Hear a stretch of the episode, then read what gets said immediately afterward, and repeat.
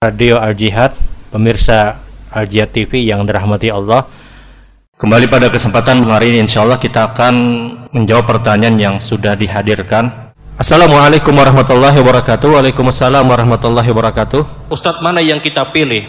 Ketika kita datang untuk mengerjakan sholat berjamaah, sedangkan makmum sudah ada yang berdiri di samping kanan dan sudah ada yang berada di tengah untuk membuat soft.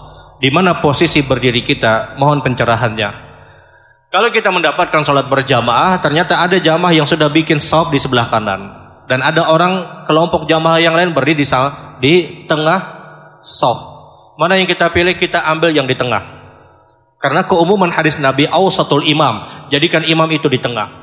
Jadikan imam di tengah. Ada kelompok jam muslim, eh, ada kelompok jamaah dia berdiri di samping kanan. Kemudian sebahagian berdiri di tengah. Mana yang kita ambil sekali lagi kita ambil yang di tengah. Karena keumuman hadis Nabi awsatul imam, jadikan imam itu di tengah. Berbeda kasusnya, kalau kita dalam sholat berjamaah, kita dapatkan jamaah sudah bikin sop sebelah kanan.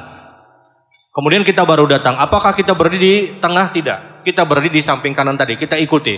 Karena kalau kita berdiri di tengah tadi, maka kita sendirian tentunya. Kita sendirian. Tapi kalau kita dapatkan dua kelompok, yang satu kelompok dia berdiri di samping kanan, kelompok yang lain dia berdiri di tengah-tengah dan ada kekosongan di antara sop tersebut, maka kita mengambil yang di tengah tadi. Karena mengikuti pernyataan Rasul ausatul imam menjadikan imam di tengah. Wallahu alam